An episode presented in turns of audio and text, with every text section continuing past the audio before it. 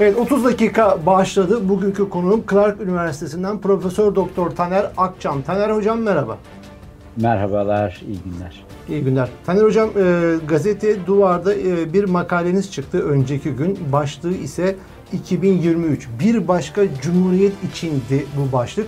Ve bu cumhuriyetin artık mevcut cumhuriyetin birleştirici özelliğinin kalmadığından bahsetti ve yeni bir cumhuriyet Tin kurulmasıyla alakalı önerilerinizi e, yazmışsınız ama ben bu yazınızın detayları var. Bunu biraz size açmanızı istediğiniz bazı noktalar olacak. Size soracaklarım olacak ama şuradan başlayalım. Peki mevcut cumhuriyet kültürel ve siyasal anlamda iflas mı etti?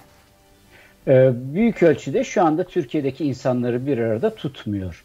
Ee, çok ilginç bir biçimde bu program için kendi eski yazdıklarıma e, bakmıştım.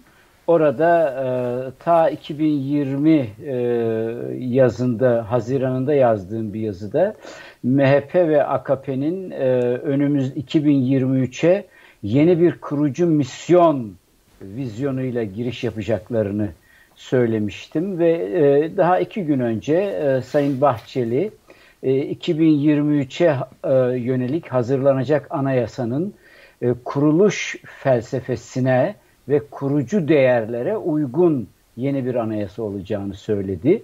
Yani şu anda ülkeye neye göre dizayn vereceklerini ilan etmiş bulunuyorlar. Bu açık ki eğer Türkiye bugün ya biz MHP'nin ve e, Sayın Erdoğan'ın e, önerecekleri anayasayı aynen kabul edeceğiz diyorlarsa ortada bir problem yok tabii ki. Ama o anayasa bir kurucu misyona göre doğrudur. Bu cumhuriyetin geçmişteki kurucu misyonuna ve kurucu felsefesine göre yeniden şekilleniyor. Tercih bize ait. Ya bu yetmez, bu olmuyor, başka bir şey lazım diyeceğiz ya da e, bunu kabul edeceğiz. Yani birleştirici özelliğini kaybetmiştir Cumhuriyet. Birleştirici özelliğini kaybetmiş. Nedir bu? Ve oradaki bahsettiğimiz olduğu kurucu misyonun bununla düşüncenin, felsefenin bununla ilişkisi nedir? E, toplumlar daima ortak bir hafıza üzerinden bir arada yaşarlar. E, o toplum bir arada yaşıyorsa insanlar aşağı yukarı e, niçin bir arada yaşadıkları konusunda genel bir kanaate sahiptirler ve onun detaylarında büyük ölçüde ayrılırlar. E, bugün Türkiye'de yetmiyor olan e, kurucu misyon, e, geçmişteki devletin kuruluş felsefesinin tekçilik esasına göre tek hatırlama, tek hafıza ve tek tip toplum esasına göre şekillenmiş olmasıdır. Bugün bunu da yine yönetim çok açık ifade ediyor. Tek bayrak, tek millet, tek dil diye ve tek din diye. Çoğulculuğu kabul etmiyor. Şu anda Türkiye'de e, egemen durumda toplum ise çoğulcu. Toplum farklı. Toplumun Alevisi var, Kürdü var, Sunnisi var. E, bu toplumu eğer tekçi bir misyon etrafında bir arada toplayacağım diyecekseniz, diyorsanız toplumu tepeden aşağı ben çatırdatacağım diyorsunuzdur. Birilerini dışlayacağım, birilerini bunun içine dahil etmeyeceğim ve birilerini burada yok sayacağım. Ben kendime göre doğru gördüğüm benden olanlar var ve o benden olanlarla birlikte bu yeniyi kuracağım. Şimdi bunun kurucu felsefeyle bağı ne derseniz ve eskiden idare ediyordu da şimdi niye idare etmiyor sorusunu sorarsak. Eskiden size, idare ediyoru kabul ederek mi bunu söylüyorsunuz? Evet en azından idare etti. İnsanlar, o kadar isyanlar çıktı. Kürt isyanları boşuna mı çıktı?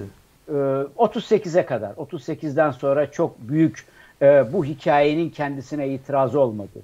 Şöyle. Ya, tatminkar bir felsefe miydi yani o açıdan Cumhuriyet'in ilk yılları açısından? Toplum adına. Ee, en azından tatminkar olmasa bile insanlar onun içinde yaşamayı kendilerinde büyük bir sorun görmediler.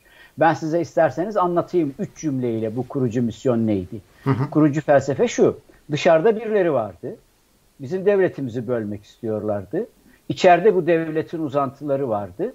Bu devletin uza içerideki uzantılarına karşı, dış devletlere karşı biz bir savaş verdik ve devletimizi kurduk. Bu hikayede farklı düşünen var mıydı bugüne kadar? yoktu. Belki şu anda da hala yok diyebilirsiniz ama ben farklı hikayeyi söyleyenlerin var olduğunu söyleyeceğim. Şimdi bakın bütün bir e, 70-80 yıl boyunca, 100 yıl boyunca ben sol gelenekten geliyorum. Ben sol gelenekten geldiğim zaman bu kurucu hikayesine hiçbir itirazım yoktu benim. Ama kendi terimlerimle anlatıyordum. Diyordum ki biz anti-emperyalist bir savaş verdik. Bizi bölmek ve parçalamak isteyen yabancı güçlere karşı ve onların yerli işbirlikçilerine karşı. Biz ama kızıyorduk. Yeteri kadar götürmedi. Yeteri kadar anti-emperyalist olmadı. İşte anti-emperyalist mücadeleyi anti-kapitalist mücadeleye çevirmedi. Yarı yolda bıraktı bizi Mustafa Kemal. İslamcı ne diyordu? Evet, biz Hristiyan batıya karşı bir savaş verdik. Ama Mustafa Kemal yola çıktığında halifeyi kurtaracağım dedi. Halifeyi kurtaracağım deyip sonra laikliği ilan etti. İslam'ın bayraktarlığında öne çıkmıştı. Yolda bizi sattı. Aynı hikayenin içinde kendisine deyim yerindeyse kazık atıldığını söylüyor. Kürtler ne dedi? Hala diyorlar. Ya etme diyorlar. Biz de kurucunsunuz. Biz de beraber kurduk. Hep beraber çıktık bir yola. Hatta yolun başında Eskişehir'de, İzmir, İzmit'te yaptığın konuşmalarda bize sözler verdin sen. E sonra sözleri vazgeçtin. Sonra bizi bu kurucu misyondan dışarı atıyorsun. Peki Aleviler ne diyor? Diyorlar ki Mustafa Kemal Ankara'ya gelmeden önce Hacı Bektaş'a uğradı ve bunun içinde Hacı Bektaş da ilk önce bu işin e, e, şeyini aldı ve kurucu misyon dolayısıyla en kurucu öge biziz, bizleriz. Dikkat ederseniz herkes bu kurucu felsefesinde hem fikir kuruculuk felsefesinde. Sadece kendilerinin dışlandığı, yeteri kadar yer almadıkları ve yeteri kadar haklarının verilmediğinden hareket ediyorlardı. Benim itirazım siz böyle devam ederseniz Tayyip Erdoğan ve Bahçeli %25-30'la birlikte size yeni bir elbise daha diktirir. Hiç kuşkunuz olmasın. Çünkü bu memlekete 20'lerde 30'larda böyle bu elbise diktirildi. O dönemin çoğulculuğu sıkıştırıldı bir elbiseye. Şimdi de aynı şeyi yapacaklar. Şimdi bizim ihtiyacımız olan onun için yani anayasa tartışmasından önce yeni bir kurucu hikaye, yeni bir kurucu değerler, yeni bir felsefe. Evet. O da var. Onu da söyleyebilirim. Evet. Şimdi hocam adım adım gidelim. Yazınızda bu kurucu felsefeyle alakalı e, siyasi akımlara da e, bir analizine girmişsiniz. Tarihsel anlamda Cumhuriyet'in belki Osmanlı son döneminden günümüze kadar aşağı yukarı siyasal anlamda her akım vardı. Sağcı, solcu, İslamcı hepsi vardı. Ama diyorsunuz bu farklı e, akımların birbirlerinden çok fazla farkı yoktu. Ve diyorsunuz ki e, fark değil benzerlikler çok daha önemliydi diyorsunuz. Şimdi burada iki tane sorum olsun size. Bu, bu günümüzün partiler açısından da bu böyle. Neden bu partilerin geçmişten günümüze kadar bu partilerin çok fazla aralarında bir fark yok. Bu benzerlikler neler ve neden bu benzerlikler bu kadar önemli ve sonuçta oynanan oyun dar alanda kısa paslaşmalar mı? Ee, çok temel nedeni e, Tanzimat'tan bu yana yaşadığımız batıllaşma veya modern devlet kurma süreci. Bu süreçte Türkiye'de iki büyük gövde oluştu. Birinci büyük gövde kendisini batılı, laik, seküler diye tanımlayan gövdeydi ve büyük ölçüde asker, bürokrasi ve benzeri tarafından temsil ediliyordu. İkinci büyük gövde ise İslami hareketlerde temsil edildi. Cumhuriyet döneminde ortaya çıkan bütün akımlar bu iki büyük gövdenin türevleri oldular.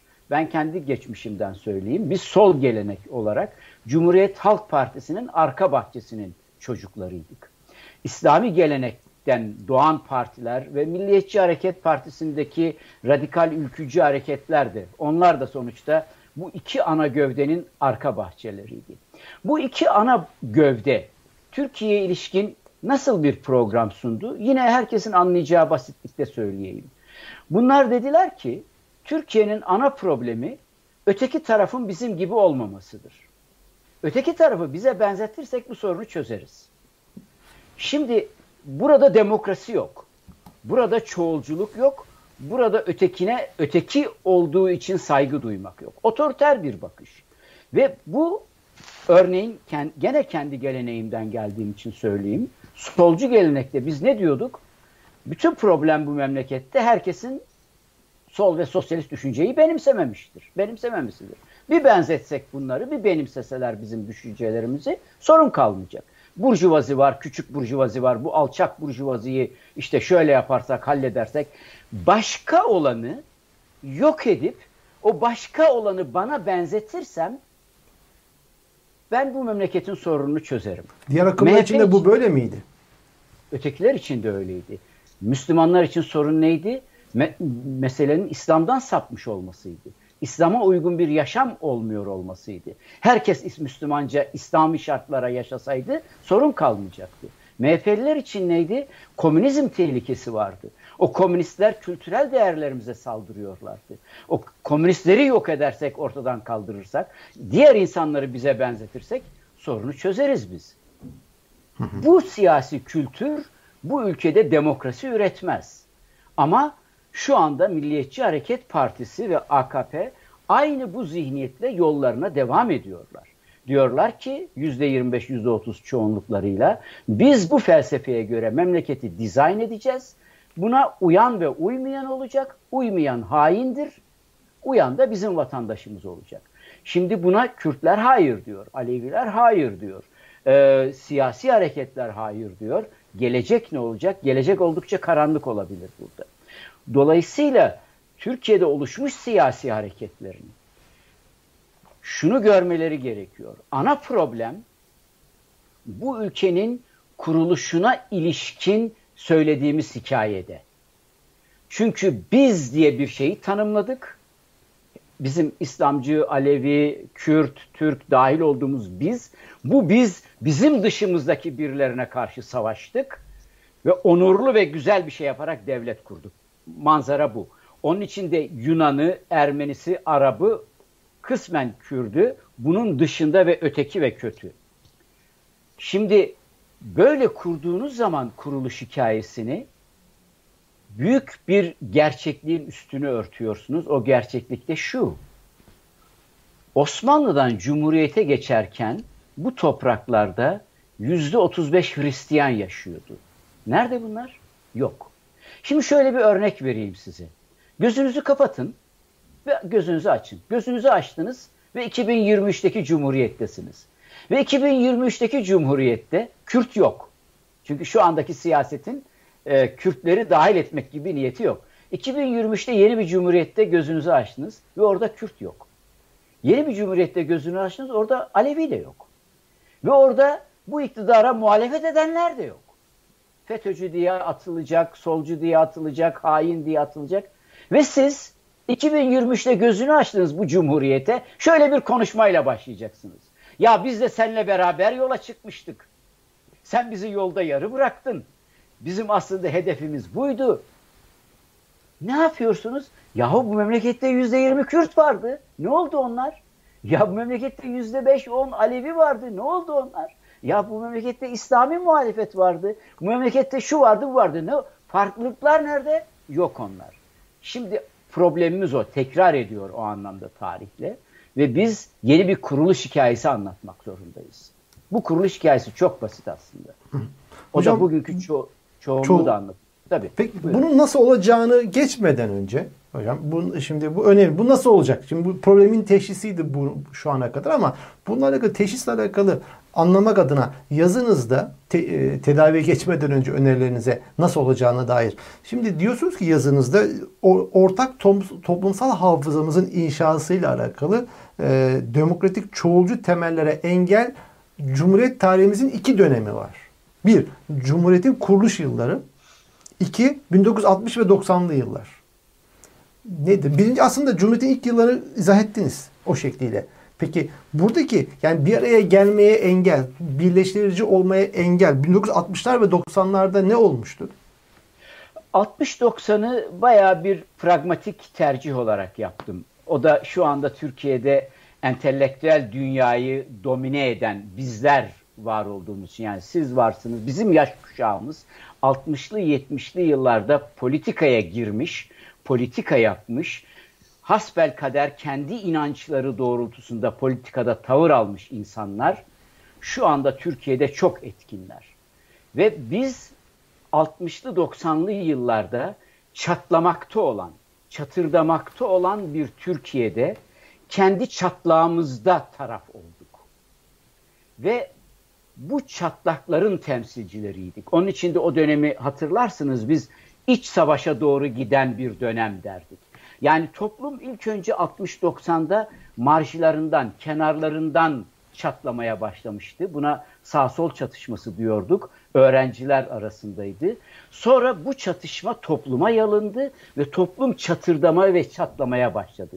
Geleneksel fay hatlarından, Alevi-Sünni ekseninden, solcular onun için Alevilerin olduğu yerde kuvvetli oldu, MHP'liler Sünnilerin olduğu yerde kuvvetli oldu ve Kürt-Türk ekseninde geleneksel fay hatlarında toplum çatlamaya ve bölünmeye başladı. Şimdi biz hala solcu, MHP'den gelen, e, İslami hareketten gelenler 60-90'daki döneme bakış tarzımızı koruyoruz. Yani o çatlamanın içinde kendimizi nasıl tanımlamışsak bugün de böyle tanımlıyoruz. Onun için diyorum ki ben o hareketten gelen arkadaşlar, benim gibi soldan gelen arkadaşlar gelin bu 60-90 üzerine bir yeniden konuşalım. Orayı başka türlü anlatabiliriz. Nasıl? Başka türlü konuşabiliriz ve öyle bir yerden konuştuğumuz zaman bu toplumu birleştirecek ögeleri buluruz orada. O dönemler ciddi bir kavga alanı. Nasıl evet. tekrar bir araya gelme ve konuşmadan bahsediyorsunuz? O nasıl bir bir araya geliş olacak? Çünkü o dönemde o çatışmayı teşvik ve tahrik edenler kimlerdiyse muhtemel onun dış güçleri de vardı, iç güçleri de vardı. Esas olarak bu toplumda geleceği yaratmak istedikleri bir iç savaş üzerine kurmuşlardı, kurmak istiyorlardı ve kurdular. Şimdi o dönemin parçası olan bizler de o dönemki sorunları esas olarak ötekinin sorun olduğu bir bakışla ele aldık. Yani Türkiye'de Sünni Müslümanlar Alevilerin varlığını bir sorun olarak gördü. Kürdün varlığını bir sorun olarak gördü. Veya muhtemel solcular ve e, birçok diğer solcu e, Alevi de Sünni Müslüman geleneğin varlığının kendisini bir sorun olarak gördü. Şimdi diyorum ki ben o döneme yeni gözümüzle bakarsak ötekini olduğu gibi kabul etmeyi öğreneceğiz. Yani ötekini değiştirmenin merkezde olduğu çözüm yolları üzerine düşünmeyelim diyorum. Kimse beni değiştirmeye çalışmasın. Ben de Müslümanı değiştirmeye çalışmayayım. Ben Kürdü değiştirmeye çalışmayayım. Kürt olduğu gibi Kürdü olmasıyla kalsın. Bu nasıl olabilir? Bu da yeni bir kuruluş felsefesi hem geçmişe hem geleceğe ilişkin. Hafızamızı yeniden kuralım diyorum. Hafıza yeniden kurulur mu diye soracaksınız. Hafıza zaten sadece kurgudur. Sadece kurulur. Bugünümüzü nasıl kurmak istiyorsak, Bugün ben sizle ilişkimi nasıl kurmak istiyorsam, yarın nasıl bir toplum yaratmak istiyorsam, hafızamı da ben ona göre inşa ederim. Hafıza buna imkan veriyor. Evet. Yapmamız gereken o halde böyle bir çoğulcu felsefeye sahip olmak ve buna uygun bir vatandaşlık anlayışı geliştirmek. Bunun potansiyeli var. Söylediğim o. 60-90'da bu nedenle seçmiştim. Potansiyeli var dediniz. Peki Şimdi siz yazınızda bu mesele için çözüm aşamasına geçiyoruz. Toplumu işaret ediyorsunuz. Ve özellikle tarafsız, e, bağımsızlaşmış aydınlardan bahsediyorsunuz. Farklı kitlelerin bir yere gelebilmede e, aracı olabilirler diyorsunuz. Topluma parmak işaret ediyorsunuz. Bir, bu toplum buna hazır mı? İki, bağımsızlaşmış aydınların sayısı yeterince Türkiye'de var mı? Üç, neden partilere işaret etmediniz? Olay o kadar ümitsiz mi? Partiler kısmını bilmiyorum. Gelişmelere göre partiler kendilerini değiştirip buna e, uyarlı hale sokabilirler. E, örneğin Arap Baharı'nda Mısır'da gençler de sokağı önce belirleyen ama daha sonra geleneksel akımlar e, siyaseti belirlediler. Ben şu anda çok pragmatik bir tartışma yapmak istemiyorum. Çünkü e, arka plana ilişkin söyleyeceklerimin daha önemli olduğunu düşünüyorum bugün e, Cumhuriyet Halk Partisi'nin veya AKP'den ayrılarak kurulan partilerin hala klasik paradigmalar içinde düşündüklerini ve bu anlamda çok e, ümitli bir e, gelecek sunmadıklarını söyleyebilirim. benim onlarda gördüğüm ya durum o kadar kötü ki biz sesimizi çıkartmaz ve köşemizde beklersek bunu zaten bizim kucağımıza bırakacaklar. Yani Avrupa'daki gelişmelerle ve benzeri Amerika'nın yeni hükümetiyle pragmatik bir yerden bakıyorlar. Yani dolayısıyla biz köşemizde duralım diyorlar. Hala o geleneksel kalıplar içinde. Ben ise başka bir ruh halinden söz ediyorum. Boğaziçi öğrencilerinin bildirisindeki ruh halinden söz ediyorum. Harikaydı değil mi hocam? E, bu kurucu anayasa. Ben bunu söylüyorum. Türkiye'nin yeni kurucu anayasası işte o da var. Yazdı orada çocuklar onu. Orada tek tek farklılıklarımızı yazdılar çocuklar. Onun için de bunun imkanları var. Şimdi e, imkanlarının konuşulmasından önce söyleyeceğimiz sözü konuşalım. Bu kurucu felsefe ne? Bu kurucu felsefe bugünü de anlatacak. Ben iki ke- kelime arıyorum durmadan arkadaşlarımla da tartışırken. Bana iki kelime söyleyin diye. Şimdi size iki kelime söyleyeceğim. Hem tarihimize hem bugünümüze hem yarınımıza ilişkin. Yazık oldu, yazık oluyor, yazık olmasın. Bu memlekete yazık oldu. Bu memleketin Rumuna yazık oldu. Onları biz İzmir'de denize döktük diye törenler düzenlemeyelim. Yazık oldu diye üzüntümüzü dile getirelim. Bu memleketin Ermenisine yazık oldu. Her Erzurum'un kurtuluşunda 2-3 tane adamı Ermeni kılığına sokup öldürmeye kalkmayalım. Ermenisine yazık oldu diyelim. Bu memleketin Dersimli Kürdüne yazık oldu. Bu memleketin 1934'te Trakya'da sürgünlen Yahudisine varlık vergisiyle Aşkale'ye sürülen Yahudisine yazık oldu. Bu memleketin 60'lı 70'li yıllarda öldürülen solcu gençlerine yazık oldu. Bu memleketin MHP'li çocuklarına yazık oldu. Bu memleketin şu anda FETÖ'cü diye cezaevlerine tıkılan o gencecik insanlara, kadınlara, çocuklara yazık oldu. Yazık olmasın. Şu anda da yazık oluyor. Boğaz içine yazık oluyor. Kürtlere yazık oluyor. Hepimize yazık oluyor. O halde yarın öyle bir cumhuriyet kuralım ki hiçbirimize yazık olmasın. Onun için artık Kurtuluş Savaşı'nın destanlarını anlatmak yerine Anadolu insanının dramını anlatalım diyorum. Onun için de yazıda da söyledim. E, birçok yerde de tekrar ediyorum. Bu ülkede çekilmiş acıları bu insanları birleştirecek çimento olarak bir araya getirelim. Acımız anayasamız olsun. Çünkü acımızı anlattığımız zaman Müslüman, Alevi, Kürt, Türk, solcu değil, insan olduğumuzu anlayacağız. Bu ülkede ideolojilerimizin, inançlarımızın ötesinde hepimizin farklılıklarıyla insan olduğumuzu ve insan olarak birbirimize yazık etmekte olduğumuzu görelim. Onun için geçmişte yazık oldu, şu anda yazık oluyor, yarın yazık olmasın. Ve bunu da ancak ve ancak çekilmiş acıları benim acım, ötekinin acısı demeden hepimizin acısı olarak görebilirsek yapabiliriz. Yapamıyoruz. Yapamıyoruz şundan. Neden Çünkü hala biz hala bu kesimlerin her biri kendi acısının sorumlusu olarak ötekini gösteren ve gören bir hafızaya sahip. Bu yanlış.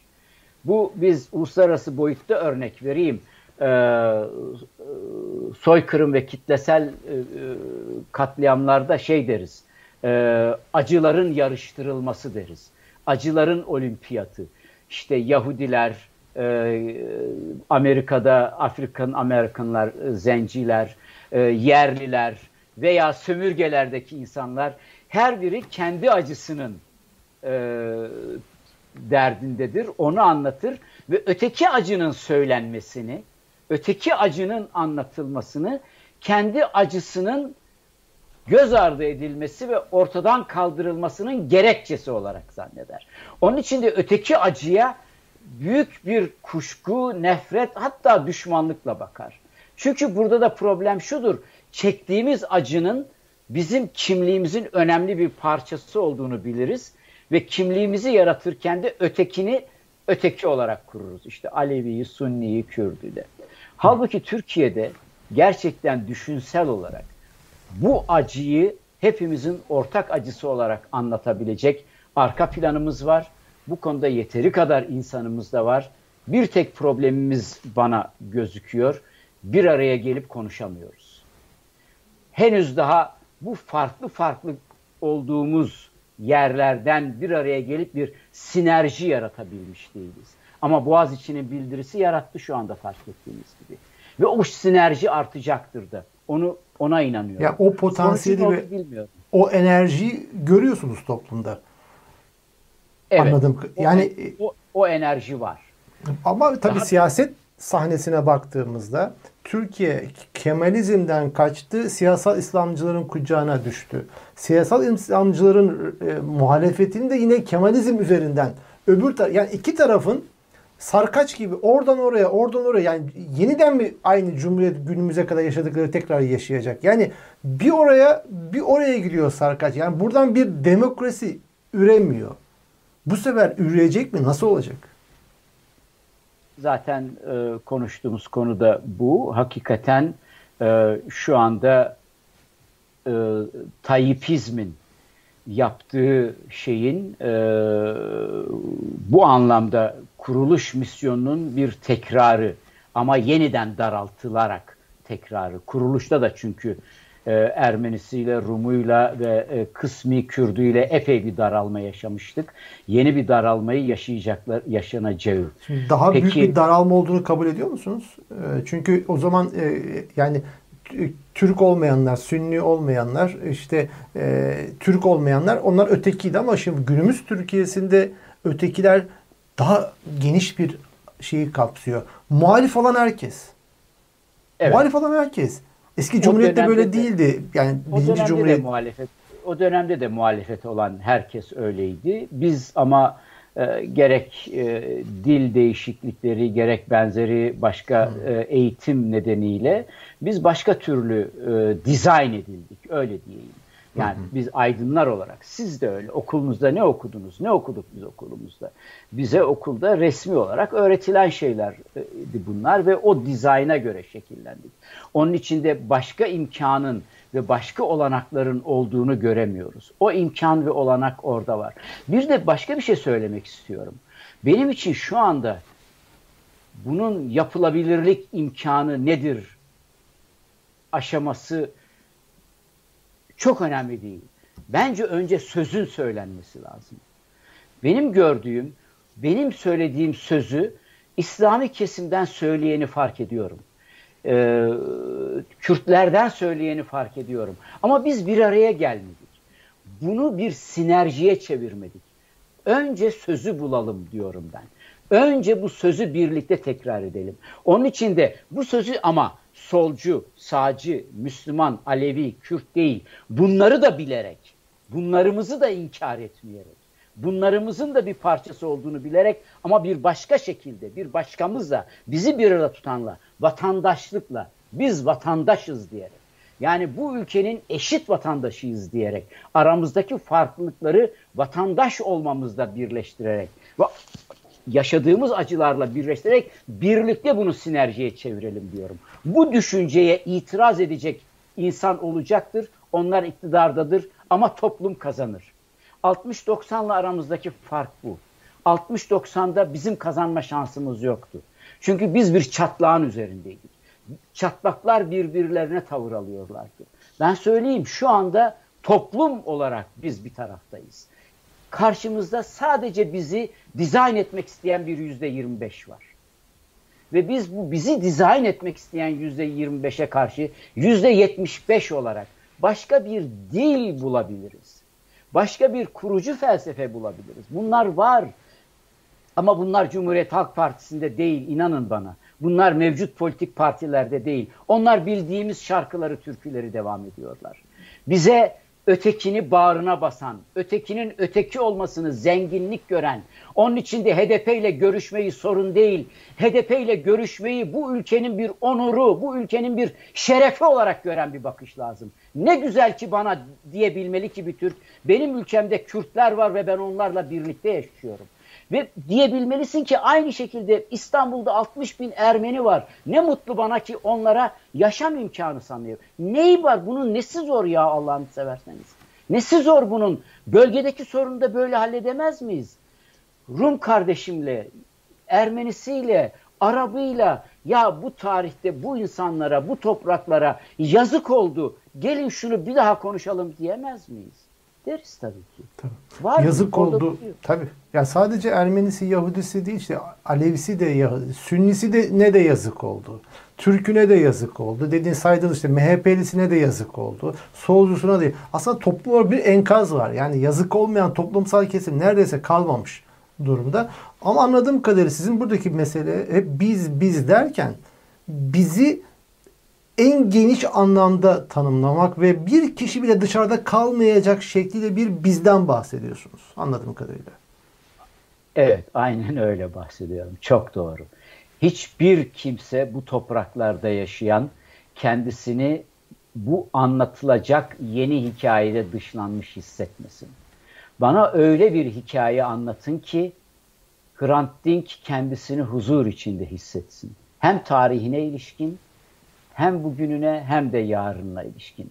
Bana öyle bir hikaye anlatın ki bu topraklarda orada biz Alevi de desin ki benim hikayemdir. Dersim'in Kürdü desin ki benim hikayemdir. Bunu yapabilirsek bir başka problemi de aşarız. Biliyor musunuz bu ülkedeki asıl problem ne? ne? Bu ülkedeki asıl problem kuşku, güvensizlik. Biz bu ülkede onun için yani e, yapılabilirlik imkanlarından önce bu tür duygu halleri üzerine konuşmayı tercih ediyorum. Bu ülkedeki asıl problem kuşku, güvensizlik. Şu anda beni dinleyen bir Alevi kardeşim bile diyecektir ki ben bu Sünni'nin nesine güveneyim? Çarum'u onlar yapmadı mı? Maraş'ı onlar yapmadı mı? E, Sivas'ı onlar yapmadı mı? Bir Kürt diyecektir ki ben bu Türk'ün neresine güveneyim? Yüksekova'da benim 13 yaşındaki çocuğumun kafasına dipçikle vuran bu değil miydi? Yani insanlar sonuçta o kuşkular ve o güvensizlikler üzerine konuşacaklar. Dersim'de bugün hala niye Cumhuriyet Halk Partisi'ne oy verir? Herkes e, failine aşık olmak falan. Hayır, korkusundan oy veriyor. İnsanları bugün büyük ölçüde birbirleriyle irtibatlandıran bu büyük korku, bu büyük endişe, bu büyük kuşkudur.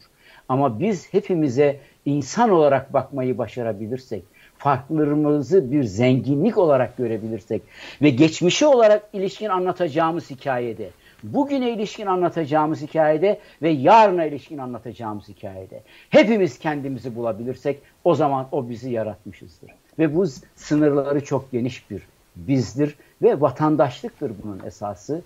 Bu yapılabilir. Onun için tarihimize evet. yazık oldu diye bakacağız. Son sorum şu olsun. Aksi takdirde nasıl bir Türkiye 2023 bizi bekliyor? Yani ben öyle çok e, büyük e,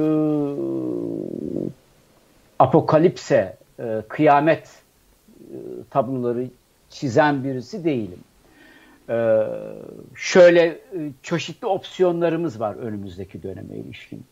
En kötü opsiyon şu andaki hükümetin bu dizayn konusundaki devleti ve toplumu dizayn etme çabasını radikalleştirerek sürdürmesi bu merkezin radikalleşmesi dediğim şey bu.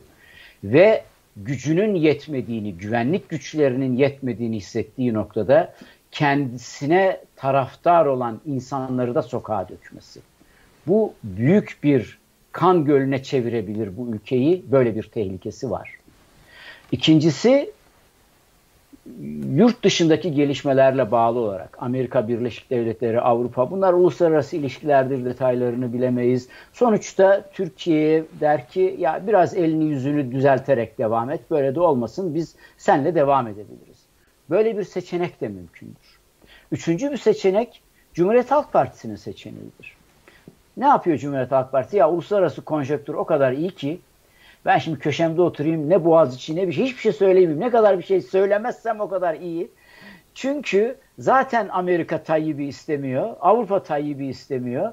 Ben yerimde durursam Kucağıma... ağzıma, ağzıma düşü olacak. Ben de onun için bekleyeyim. Bu da bir seçenek olamaz mı? İnanın olabilir. Yani inanın e, belki de şimdi Meral Akşener hani kadındır e, onun önderliğinde daha milliyetçi böylece çok da e, iktidarın milliyetçi agresif saldırılarına e, ters düşmeyecek bir yeni milliyetçi söylemle Meral Akşener e, önderliğinde diğer ittifak, Millet İttifakı bunun yerini alabilir. Fakat gene Kürt problemi olmaya devam eder. Gene öteki problemler olmaya devam Değişen eder. Hiçbir şey olmaz. Evet. Hiçbir şey değişmez. Bütün bu opsiyonları biliyoruz. Bütün bu opsiyonları tartışmak bana çok ilginç gelmiyor. Orta zekalı her insan Türkiye'nin önündeki 4-5 opsiyonun neler olduğunu çizebilir. Ben bile günlük gelişmeleri çok yakından izlemeden bile en azından 5 farklı senaryo çizebilirim yarınımıza ilişkin. Hayır. Biz önce kendimizi tanımlamalıyız. Biz ilk önce farklılıklarımızı esas alan bir vatandaşlık anlayışıyla bu ülkenin her bir çocuğunu Ermenisi, Kürdü, Müslümanı dışlamayan yeni bir kuruluş hikayesi, yeni bir bugün ve yeni bir gelecek felsefesi. Budur bizim evet. çıkışımız. Evet o zaman üç cümleyle özetleyebiliriz. Yazık oldu, yazık oluyor, yazık olmasın. Sizin ifadenizle. Aynen. Programın evet. özeti de bu olmuş oldu. Evet Profesör Doktor Taner Akçam çok teşekkür ediyorum yanımıza katıldığınız için. Ben teşekkür ederim. Sağ olun.